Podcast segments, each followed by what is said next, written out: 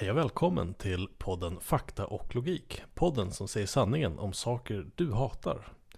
Med mig, Robin Fakta Zackari och dig. Joel Logik Svensson. Jajamensan. Och Joel, vad är du arg på idag? Jag är, jag vet inte om eh, arg kanske är rätt ord. Vi, vi får undersöka vad jag känner om det här när jag pratat igenom det. Men det handlar om, om vad som kallas för kryptovalutor. Men egentligen man kanske borde kalla för kryptotillgångar. Så vi ska diskutera, det vill säga bitcoin och dess gäng.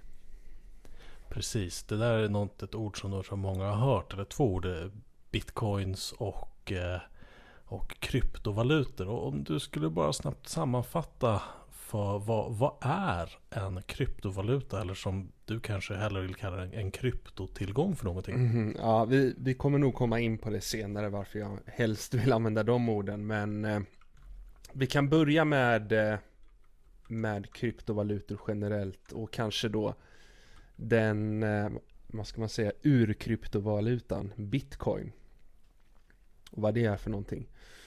Jag tror att alla har vid det här laget sett att man pratar mycket om det i media. Om eh, rusningen på, på framförallt bitcoin då. Och det här är en ganska ny uppfinning. Bitcoin uppstod eh, 2008 även om jag tror det började användas först 2009. Eh, och det är en, eh, mm, vad ska man säga, det är ett gäng algoritmer som man har packat ihop till ett system som man kallar för bitcoin. Vad är en algoritm då Joel?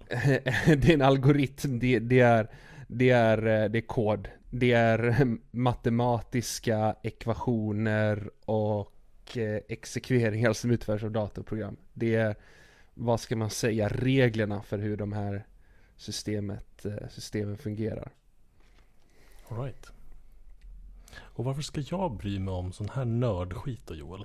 Därför att du kan tjäna en massa pengar på det. Eller om vi kanske väntar några år förlora alla pengar på det. Det Ja, uppstod som säga att- sagt, vad sa du?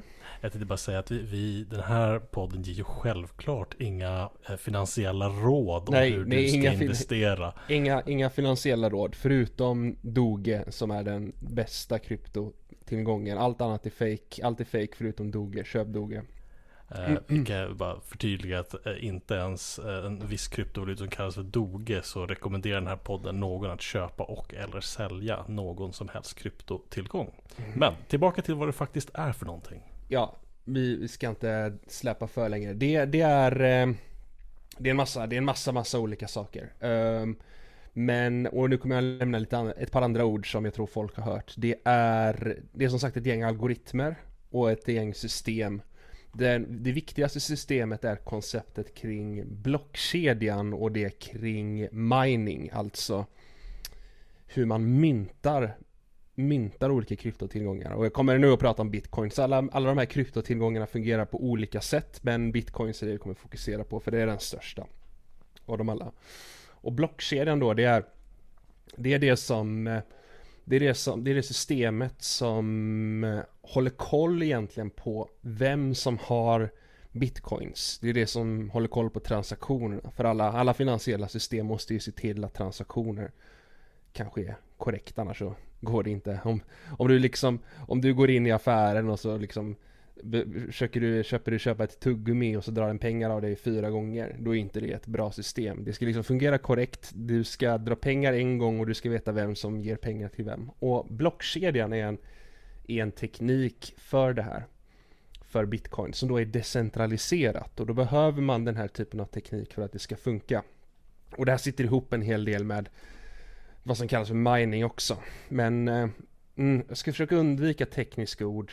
För det finns en hel del detaljer man kan gå in på. Men i grunden är blockkedjan att eh, det är att då och då i bitcoinsystemet, jag kommer inte ihåg exakt hur ofta det är, jag tror det är några minuter, kanske tio minuter, så räknar man med att systemet ska komma fram till ett block, det vill säga en samling med data som liksom um, spårar eller för ner till papperna, för ner till bokföringen vilka transaktioner som ska genomföras i bitcoin-systemet. Och det kallas för blockkedja därför att varje block liksom pekar på föregående block. Och sen så säkrar man det kryptografiskt så att det aldrig kan manipuleras. Och i och med att varje block pekar på föregående block har liksom en nyckel typ kan man säga. En slags unik identifierare till föregående block. Så blir det då en kedja. Och den här kedjan är vad bitcoin och många kryptotillgångar är. Det är liksom att du kan följa alla, alla transaktioner sker på en rad. Och du kan spåra alla transaktioners historia liksom genom att bara följa kedjan genom att läsa alla transaktioner som som bekräftas av eh, systemet. Mm. Och det här låter ju väldigt tekniskt och, och, och intressant. Men, men, men vad är liksom poängen med det då? Poängen, ja, det, vi, jag, jag, kanske inte ska gå in på det för mycket nu. Eh, det finns en hel del. Det finns, det finns ju, vad ska man säga, det finns den riktiga anledningen och sen så finns det propagandaanledningen. Det som folk säger poängen är och den riktiga poängen som liksom ligger under huven. Um, men eh, innan vi går in på det kanske jag ska berätta vad mining är för det sitter ihop lite ja, med hur systemet fungerar. Som sagt, mining det är eh, när du myntar nya mynt. Eh, bitcoins som vi pratar om nu då. Och då finns det olika, finns det olika tekniker för att liksom bestämma bestämma hur varje block i den här blockkedjan ska eh, se ut. Därför att de här systemen är ju som sagt decentraliserade.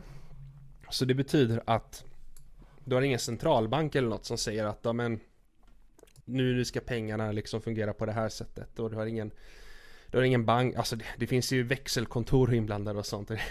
Det är väl en del av varför det här egentligen inte riktigt är centraliserat. Men systemet i grunden är att folk folk eh, själva som är med i bitcoin är med och bekräftar alla transaktioner.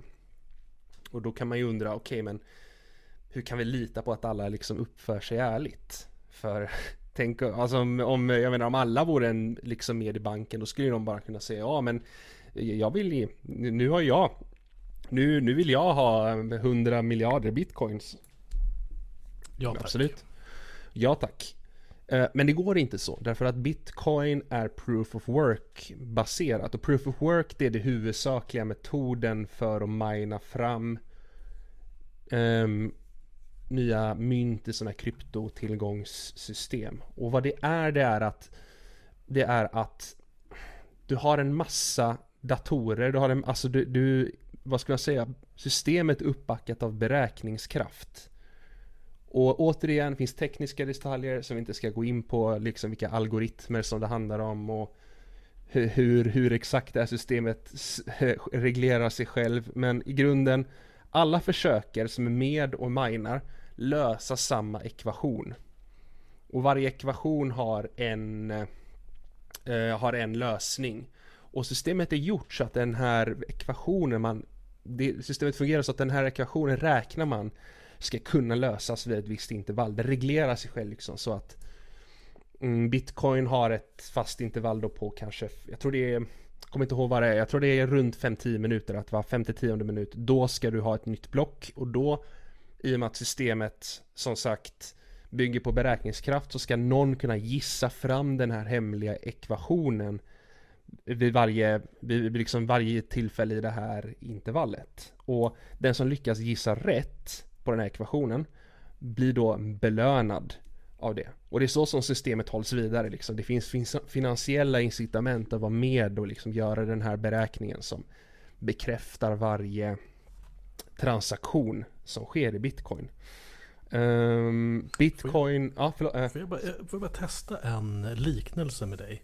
Bara för att jag ska se, för jag som, som väldigt uh, lekman på det här, okej. Okay.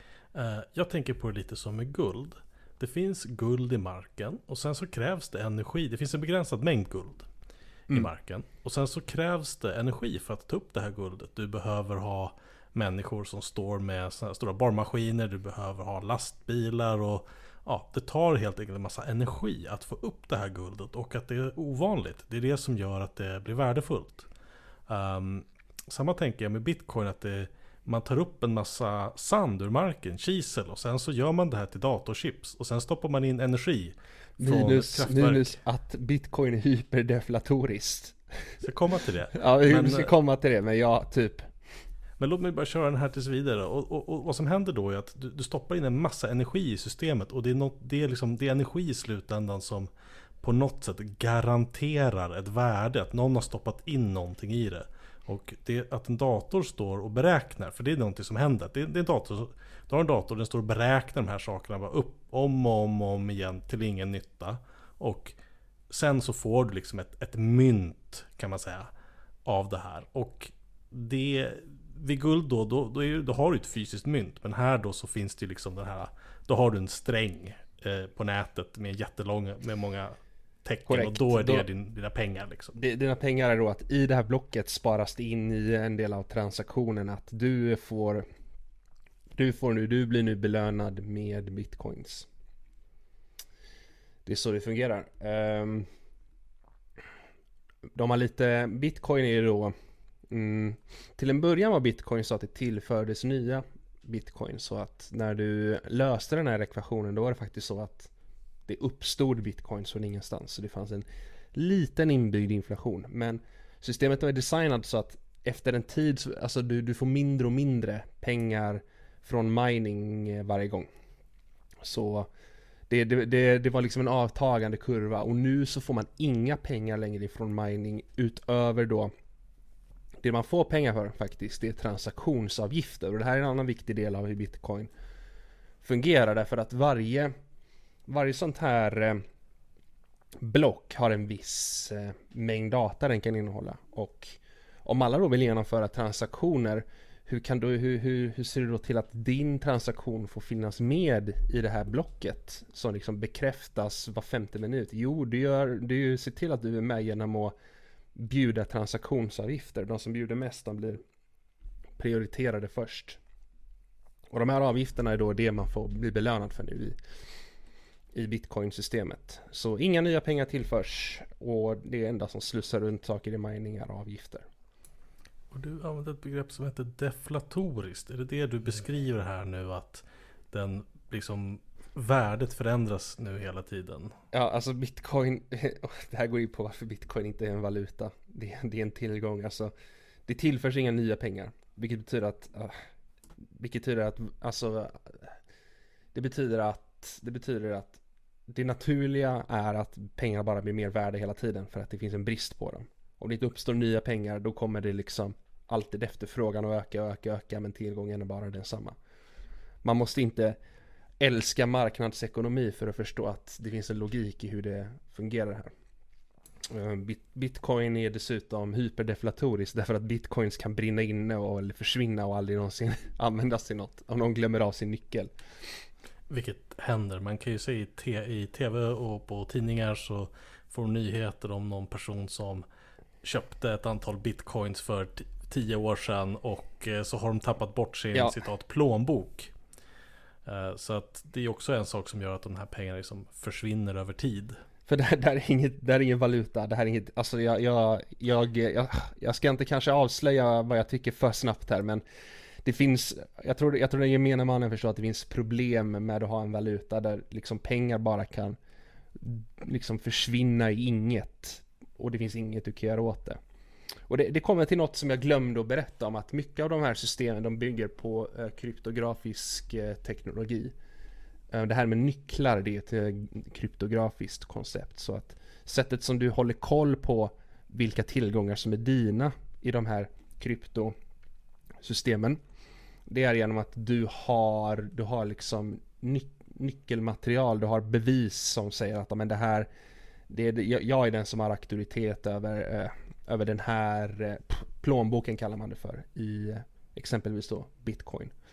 Um, vi skulle kunna gå in på vad asymmetrisk eh, kryptografi är och sånt. Men jag tror, det- jag, tror, jag, tror det, jag tror det räcker för att bara liksom få en överblick av det. Du, du, har, du har liksom du har en nyckel typ på din dator eller på din enhet där du har eh, din plånbok och den, den nyckeln är beviset för att du har allt. Om någon snor den nyckeln då kan de också sno dina bitcoins vilket också är något som händer jätteofta. Ja, man ser det i nyheterna. Men eh, det man ofta ser i nyheterna, alltså kanske främst på Aftonbladet eller liknande, så kan man se liksom under ekonomi och sen så är det en, en bitcoin-logga, ett B och sen så ser man att en graf där allting går upp hela tiden och så säger någon Jag blev miljonär på bitcoins. Men är inte det bra Joel, att folk tjänar pengar? Ja, men det är kul för folk som vill tjäna pengar och tjäna pengar. Eh, men det jag har emot det är väl att det är en valuta, att folk kallar det för en valuta. Valutor kan inte bygga på liksom evig deflation. Det är, det är dåligt. Det är jättedåligt. Eh, det är väldigt bra dock för de som äger mycket. Mm, ett annat generellt problem med de här systemen är att de är väldigt de är väldigt gynnsamma för kapitalägare. De är väldigt plutokratiska. Och det är kul för dem, men eh, det är, de överväldigande majoriteten kommer inte ha liksom stora tillgångar i bitcoins eller i de här systemen. Och för att lyssnarna ska, ska förstå så att alla de här datorerna runt om på jorden står och liksom tuggar och räknar på saker som är helt meningslösa problem. Alltså det, det är ett matematiskt problem. De löser inga riktiga problem. Men de står och tuggar och tuggar. Och idag så, de här typerna av kryptovalutor konsumerar idag lika mycket energi som hela Sveriges industri. Och då ska man komma ihåg att Sveriges industri är i det närmaste klimatneutral i, på energisidan. För att vi har vattenkraft och kärnkraft som står och tuggar och tuggar. Medan i många länder där det här görs, då är det här liksom rakt uppkopplade till kolkraftverk. Som står liksom och bara spyr ut koldioxid i, i atmosfären och förstör jorden för att de här liksom Hittepå låtsaspengarna ska skapas. Ja, alltså proof of work systemet är väldigt ohållbart därför att eh, Alltså om de här pengarna bara blir mer och mer värda i och med att de är deflatoriska, då kommer incitamenten till att mina öka. Och för det krävs det mer och mer elektricitet som liksom inte går till någonting vettigt. Det går inte till något produktivt överhuvudtaget. Det är... Du sa hela Sveriges industri. Jag tror de drar mer el än hela Sverige vid det här laget. Det är så mycket el som går åt till det. Och det är väldigt mycket kolkraftverk som är dedikerade för bitcoins som finns. Alltså att kolkraftverket är bara kopplade till en massa grafikkortsdatorer som gör de här beräkningarna om och om igen. Ja, och eh, de människorna som förespråkar de här systemen, de har ju väldigt utopiska idéer om att det här kommer ta över alla andra betalsystem. Och varför är det då trams? Därför att det här är ingen valuta, du kan inte ha en valuta vars värde bara liksom hoppar upp, hopp, först och främst väldigt volatil. Värdet går upp och ner jättemycket. Men över lång sikt verkar det vara väldigt deflatoriskt. Och det gör att du inte kan ha en riktig ekonomi för att om man säger så här att att få, det, det, finns en hel del missuppfattningar om varför folk, folk tror att inflation är typ dåligt, pengar blir mindre värda och då finns det folk inom miljörörelsen som tror att ja, men då det motiverar att typ folk ska konsumera mer för de vill leva i dagen. Och det kanske finns ett moment av det om du har väldigt hög, hög inflation. Men deflation är något ännu värre. Det gör att allt bara stannar. Därför att de som gynnas av det, det är de som redan har pengar. De kommer då bara hålla på sina pengar. Folk som har lån, de kommer, alltså om, om, eh, om valutan krymper då är det omvända förhållandet sant för lån. Så att lånens värde då, de kommer ju också att, att stiga. Och det gör att du inte längre har något koncept om kreditgivning. Och då kanske ni tänker som lyssnar typ av kreditkort och sådana saker. Och det, det, det håller jag med om, det är inte bra. Men det här är, det här är större. Det här är liksom bara, alltså någonting i ekonomin ska rulla. Då måste du kunna ha lån och krediter. Du måste liksom kunna börja någonstans. Allt kan inte bara vara ett nollsummespel. Och det är därför som, alltså, his historiskt har man velat gå bort ifrån deflatoriska system för att ha fungerande demokratiska samhällen. Uh, de som gynnas av det, det är liksom kapitalägare. Det är inte oss som gynnas av deflation. Och när du säger kapitalägare så är det ju många bitcoin-fanatiker som säger jo men det här plockar ju faktiskt bort de allra ondaste av kapitalägarna, nämligen bankerna. Vad Mm. säger du om det? Jag säger att Wall Street är med på det här spåret. Va- Folk tror att Wall Street och Bitcoin är två skilda världar. Det är de inte. Det finns jättemycket kapitalinvesterare kapitalinvesteringar i Bitcoin från Wall Street. De älskar det här. Ja, och det kan man se. Ibland ser man ju att de här olika valutorna eh, hoppar i värde upp och ner jättemycket. Och det är ju för att någon stor kapitalinvesterare, inte bara en massa vanliga människor, utan en stor, riktigt rik institution, ibland kallas de för valar, får för sig att de ska spekulera. Och då hoppar de här valutorna upp och ner, likt jojoar, väldigt kraftigt. Ja, i och med att de här systemen är odemokratiska. Alltså, det är inte demokratiskt om den som har mycket pengar bestämmer. Så blir det väldigt öppet för manipulation. Alltså när de här som har väldigt mycket pengar vill göra ett move. Då påverkar det marknaden väldigt mycket. Marknaden är liksom bestämd av de som deltar i den. Och av någon, folk med mycket pengar när de deltar, då har de mycket mer inflytande över marknaden än någon annan än vad oss med eh, oss med en liten summa Doga har. Och ja, innan vi går vidare så kan ju vi liksom lägga in disclaimer att både jag och Joel är eh, stolta ägare av fake-valutan eh, Doge. Yes. Eh, och det är en, ett mem, ett skämt som några skapade för tio år sedan. Och eh, denna valuta, hittepåvaluta, har nu de senaste veckorna, månaderna exploderat i värde. Och ingenting i verkligheten har förändrats. Annat Nej. än att folk tycker att det är roligt att köpa en valuta som heter Doge. Och det är ett så här mem från 2012 med en Shiba Inu-hund som var söt och så, tyckte, så, så, så var det så här små texter runt om hur en hund tänker. Eh, Och det är nu en valuta som är mer värderad än till exempel företaget FedEx, Honda eh, och Ford Motors tror jag. Det är så stort skämt att man pratar om, att- men man hör ju där, man pratar om hur värdet av valutan är. I normala fall brukar man inte prata om valutor på det sättet. Och det är, det är för att det här är tillgångar, det här är liksom Det här är som guld fast eh, dummare. För guld har ett underliggande värde att du kan använda guld till någonting. Det här kan inte användas till något annat en spekulation. Det är som ett stort pyramidspel och vi, vi köpte båda Doge, jag och Robin, för vi, hat, vi, vi ogillar verkligen eh, kryptotillgångar. Så då tänkte vi att okej, nu börjar folk tjata på sociala medier om det här och det kommer bli en hysteri för det har liksom blivit flera hysterier. Så i och med att det här är den fjantigaste valutan, vi köper en liten mängd och går det bra så kan vi liksom hålla på och prata om. Det, det är för övrigt kul när man pratar med Alltså det, för det finns de som gillar krypto men hatar Doge för de tycker liksom att det är narr av det, hur allvarligt, allvarligt eh, hela det här är. Om din, tycker- eh, om din hittepåvaluta på något sätt blir nedvärderad av en annan hittepåvaluta Ja, då säger det någonting. Så att det här är ju liksom ett rent skämt. Vi uppmanar självklart ingen Nej, annan köp, att skämt, köpa. skämt åsido, köp inte Doge, köp det inte. Det här är ett pyramidspel. Det här är bara något man går med på för att man tror att man är på toppen av pyramiden. Återstår att se om vi blir det eller ej, men vi verkar hoppat på i ett någorlunda bra läge eller ej, i, i alla fall. Och om vi då ska gå vidare från eh, det här allmänna problematiska.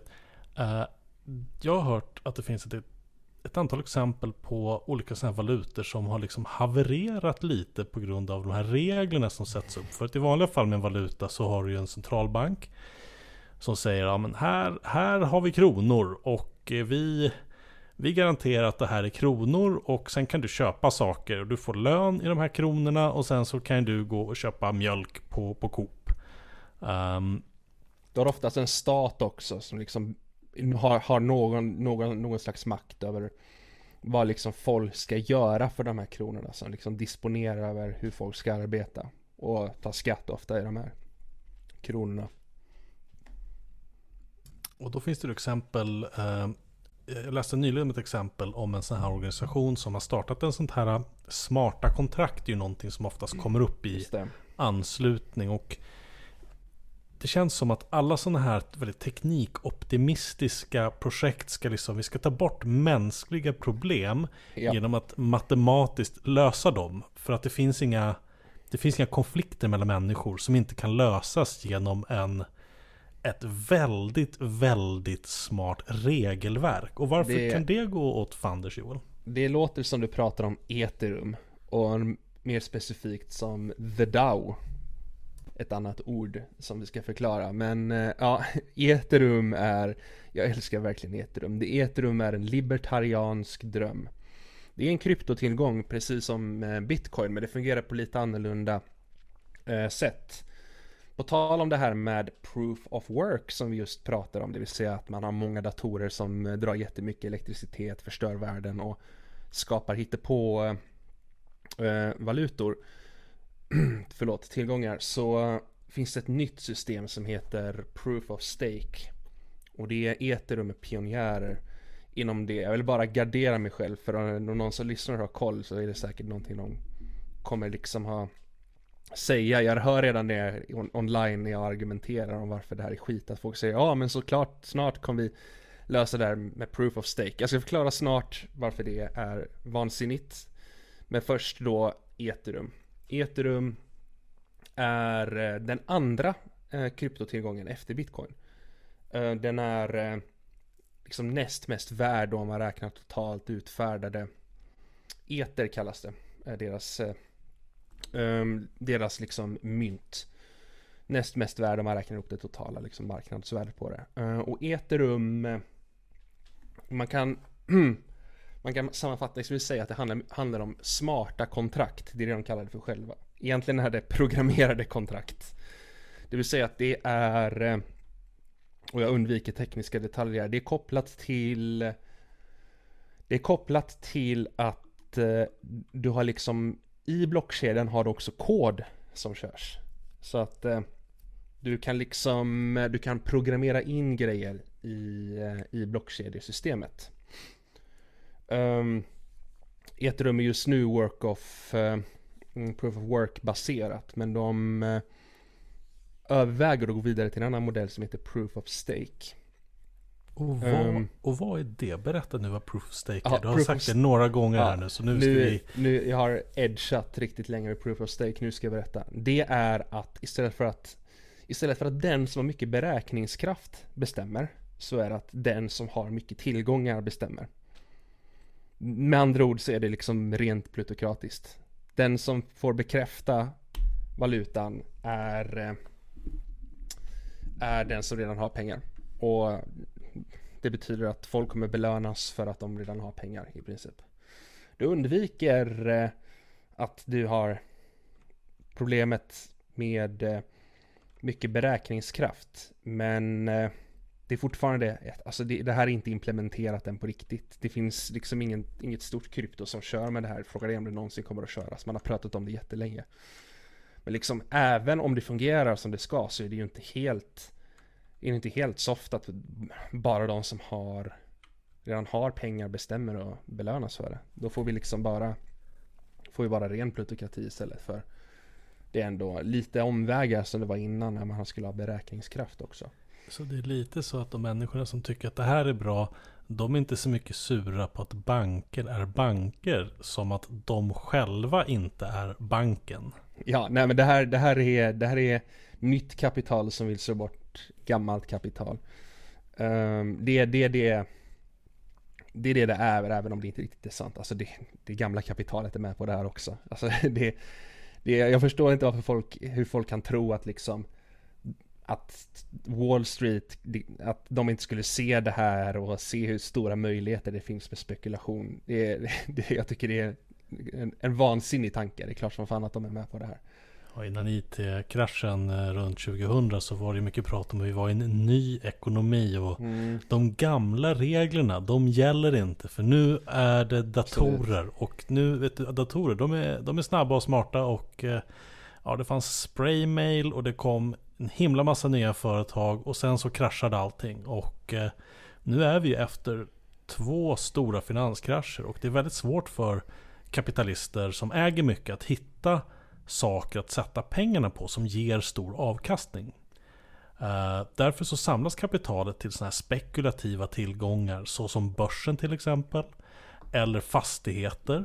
Ja. Uh, och uh, den här typen av kryptovalutor. Så att det folk gärna vill tro, som är, skriver mycket om det här, tänker att det här är vanligt folks revansch. Nu är det de fattigas kapitalism. Och varje gång så är det liksom den här lite julben och gråben att uh, den här vargen som jagar efter och springer in rakt in i en vägg där där, där, där fågeln har målat liksom en, en så här fortsättning på vägen ja. och så bara än en gång så var det samma gamla kapitalism. Ja, nej alltså det är, det, det är självklart Wall Street. Wall Street är med på det här. Det råder inga... Jag, jag vet att de är med på det. Det finns liksom redan en massa finansiella instrument uppbyggda och fler. Jag, jag för mig jag har sett uttalanden från flera av de stora investmentfirmorna att de håller på med håller på med krypto. Varför skulle nu, de inte göra det? Ja, precis. Om vi nu går tillbaks till den här uh, DAO där mm, det gick det. ganska snett så ska vi kanske ta och reda ut vad det faktiskt var som hände där. DAO då, vi ska nog förklara vad det här är. DAO då, mm, det här är en del av Ethereum. Uh, där man skapade något som kallas för en DAO, en decentraliserad autonom organisation. Vilket är kryptospråk för att du typ kodar lite grejer och skriver ett par regler för hur eh, för hur liksom ett, eh, ett sånt här programmerat kontrakt i ett rum ska eh, bete sig. Och det här det låter nästan som när du säger DAO och decentraliserad som någonting som man skulle se skrivet på en vägg i någon liksom smutsig så här anarkistkollektiv i Berlin. Ja, det, det här ordet, ordet autonom var, må vara med, med, eh, med i det här men det, det har absolut inget med det att göra.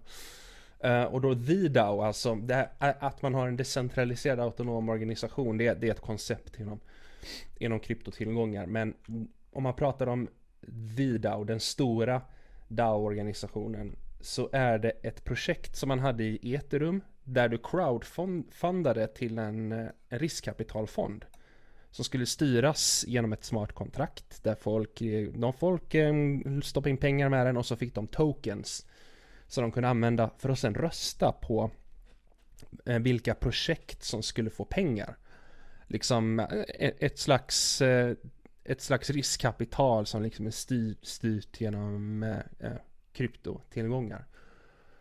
Um, det finns en anledning till att jag ogillar och kallar, kallar allt det här för smarta kontrakt och det ska vi just få reda på varför. För att de här kontrakten, de är inte smartare än personen som skriver dem och det visar sig att det här kontraktet, det här koden för den här DAO-grejen, den hade skrivits väldigt fel. Så att en person kunde utnyttja en bugg och stjäla 500 miljoner kronor motsvarande. Bara genom att liksom åberopa den här buggen. Bara tömma hela den här fonden på pengar.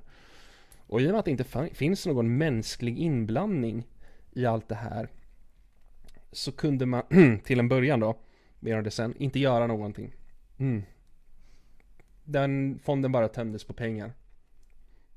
Det är som att uh, det mellanmänskliga inte kan avgöras av ettor och nollor och olika liksom saker du kan skriva in i en, regler som du kan skriva in i kontraktet som ska fånga allting. Ja, alltså i en domstol hade ju aldrig, det, hade, det, här, det, hade, det här är liksom att jämföra med om han har skrivit ett kontrakt och glömt liksom ett kommatecken i det kontraktet. Då, en, en, doms, en domstol tolkar inte saker och ting som en robot. Har, har liksom en större förståelse för grejer. Så när de här kontrakten är inte smarta, de är programmerade. De är lika smarta som den som har skrivit dem. Men... Eh, på tal om riktigt dumma saker som någon har skrivit i, i den här sfären. Eh, när pratade samtyckeslagstiftningen i Sverige gick igenom. Det, ja. Då släpptes det ju en app där man då skulle skriva under på att man tyckte att det här att ha sex ihop, det, det var en, en smart grej. Och det är ju så fruktansvärt, det är, det är precis det liksom hö, hö, hö, högern bara sa Ja men det här, då kommer det ju bli så att folk måste skriva kontrakt innan de, de har sex och feminister och ja, alla människor med, en, med, med, med ett huvud sa ju att nej, nej men det, det är ju inte så det funkar mellan människor. Det är ju absolut idiotiskt och då kom Tech Bros och bara nu ska vi läsa det här med ett kontrakt. Det här blev hånat eh, och den försvann väldigt, väldigt snabbt från alla App Stores och liknande. Det, ja, och egentligen det är inte, ja, nej, ja, jag, jag var på väg att säga att det är inte dummare än, äh, än det vi pratar om. Men det, det, det kanske det faktiskt är. Men ja, inte mycket. Det, ja, det, var väl, det var väl att man skulle, sign, man skulle signera med BankID eller något sånt på, på sina Säkert. mobiltelefoner. Det blir en väldigt mm. svensk lösning uh, av det hela. Att man ska skriva under och uh, ja. Vi behöver inte gå in mer på det dumma grejen. Vi går tillbaka till DAO ja. om du inte var klar med att det, liksom det hela alltid kraschade för att kontraktet inte var smart nog. Ja, just det. Uh, ja, det pratas så mycket om de här grejerna är decentraliserade.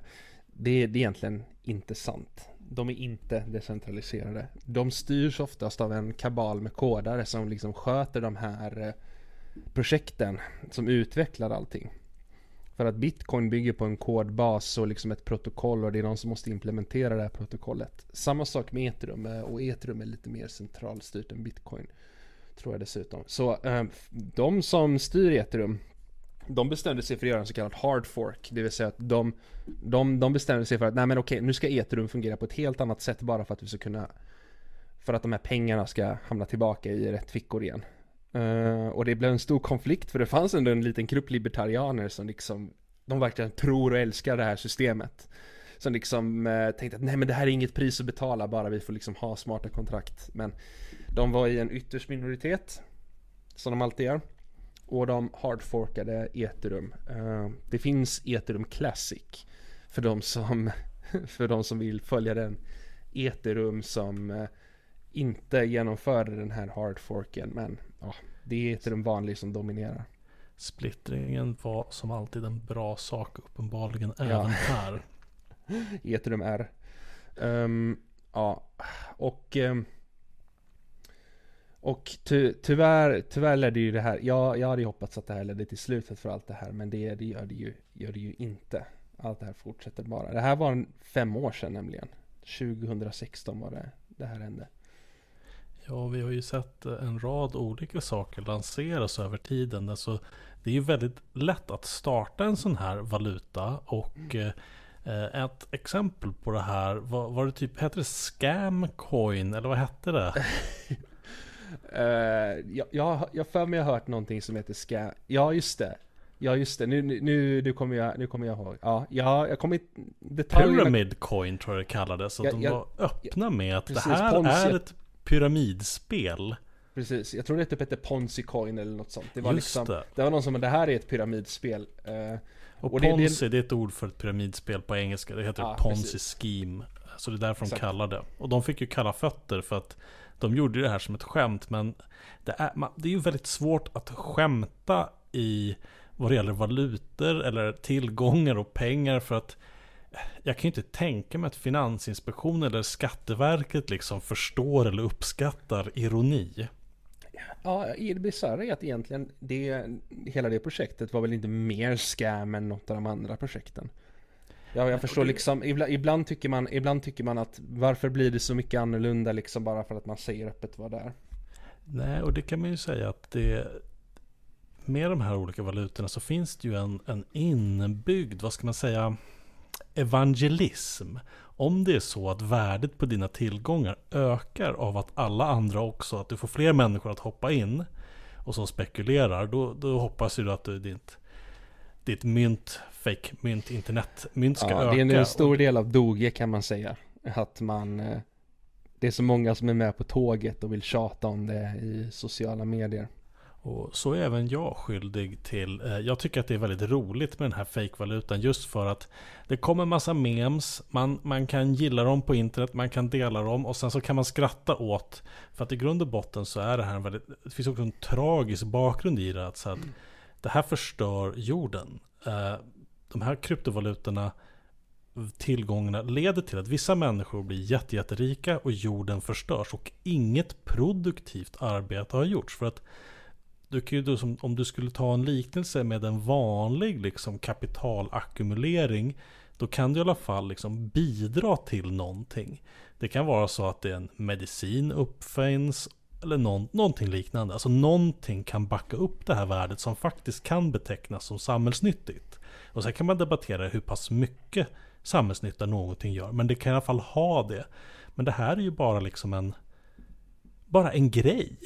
Ja nej, men det här, det här är bara, det här, det är bara uppbyggt på spekulation. Nej men liksom man, man kommer ofta in när man pratar om sånt här i diskussioner i vad är egentligen en valuta? Vad är det värd?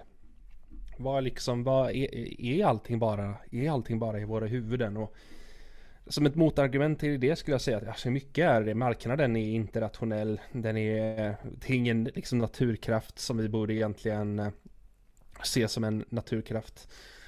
Um, men det finns ändå någonting, om du pratar om en aktie till exempel, det vill säga rätten att få utdelning på, en, eh, på, ett, eh, på ett aktiebolag.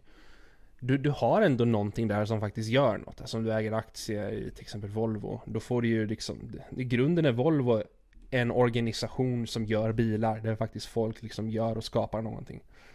En valuta liksom, om vi pratar om svenska kronan, det är det, det, det, är en, det, är, det är liksom ett instrument för att bestämma liksom vad vi i Sverige ska arbeta med. Det är liksom makten och kraften i en hel stat. Det finns någonting där. Som inte finns i överhuvudtaget i bitcoin. Det är bara spekulation. Om du inte kan ehm, betala din skatt i någonting så tenderar det inte att vara en valuta. Ja, och det är precis. Och det är, kanske skulle jag nämnt det innan. Det är väldigt, alltså det är väldigt jobbigt att köpa grejer med bitcoin därför att värdet ändras hela tiden. Och det tar lång tid för din transaktion att gå igenom. Som jag sa, det, mm, den här blockkedjan den bekräftas ju vid intervall. Alltså det, den tid som det tar att bekräfta en transaktion i bitcoin är ju ingenting emot vad det tar att bekräfta en transaktion i liksom, Visa eller Mastercard. Man måste inte älska Visa eller Mastercard för att liksom bara uppskatta för att uppskatta hur oändligt mycket effektivare sådana centraliserade system är. De hanterar liksom miljoner transaktioner i sekunden.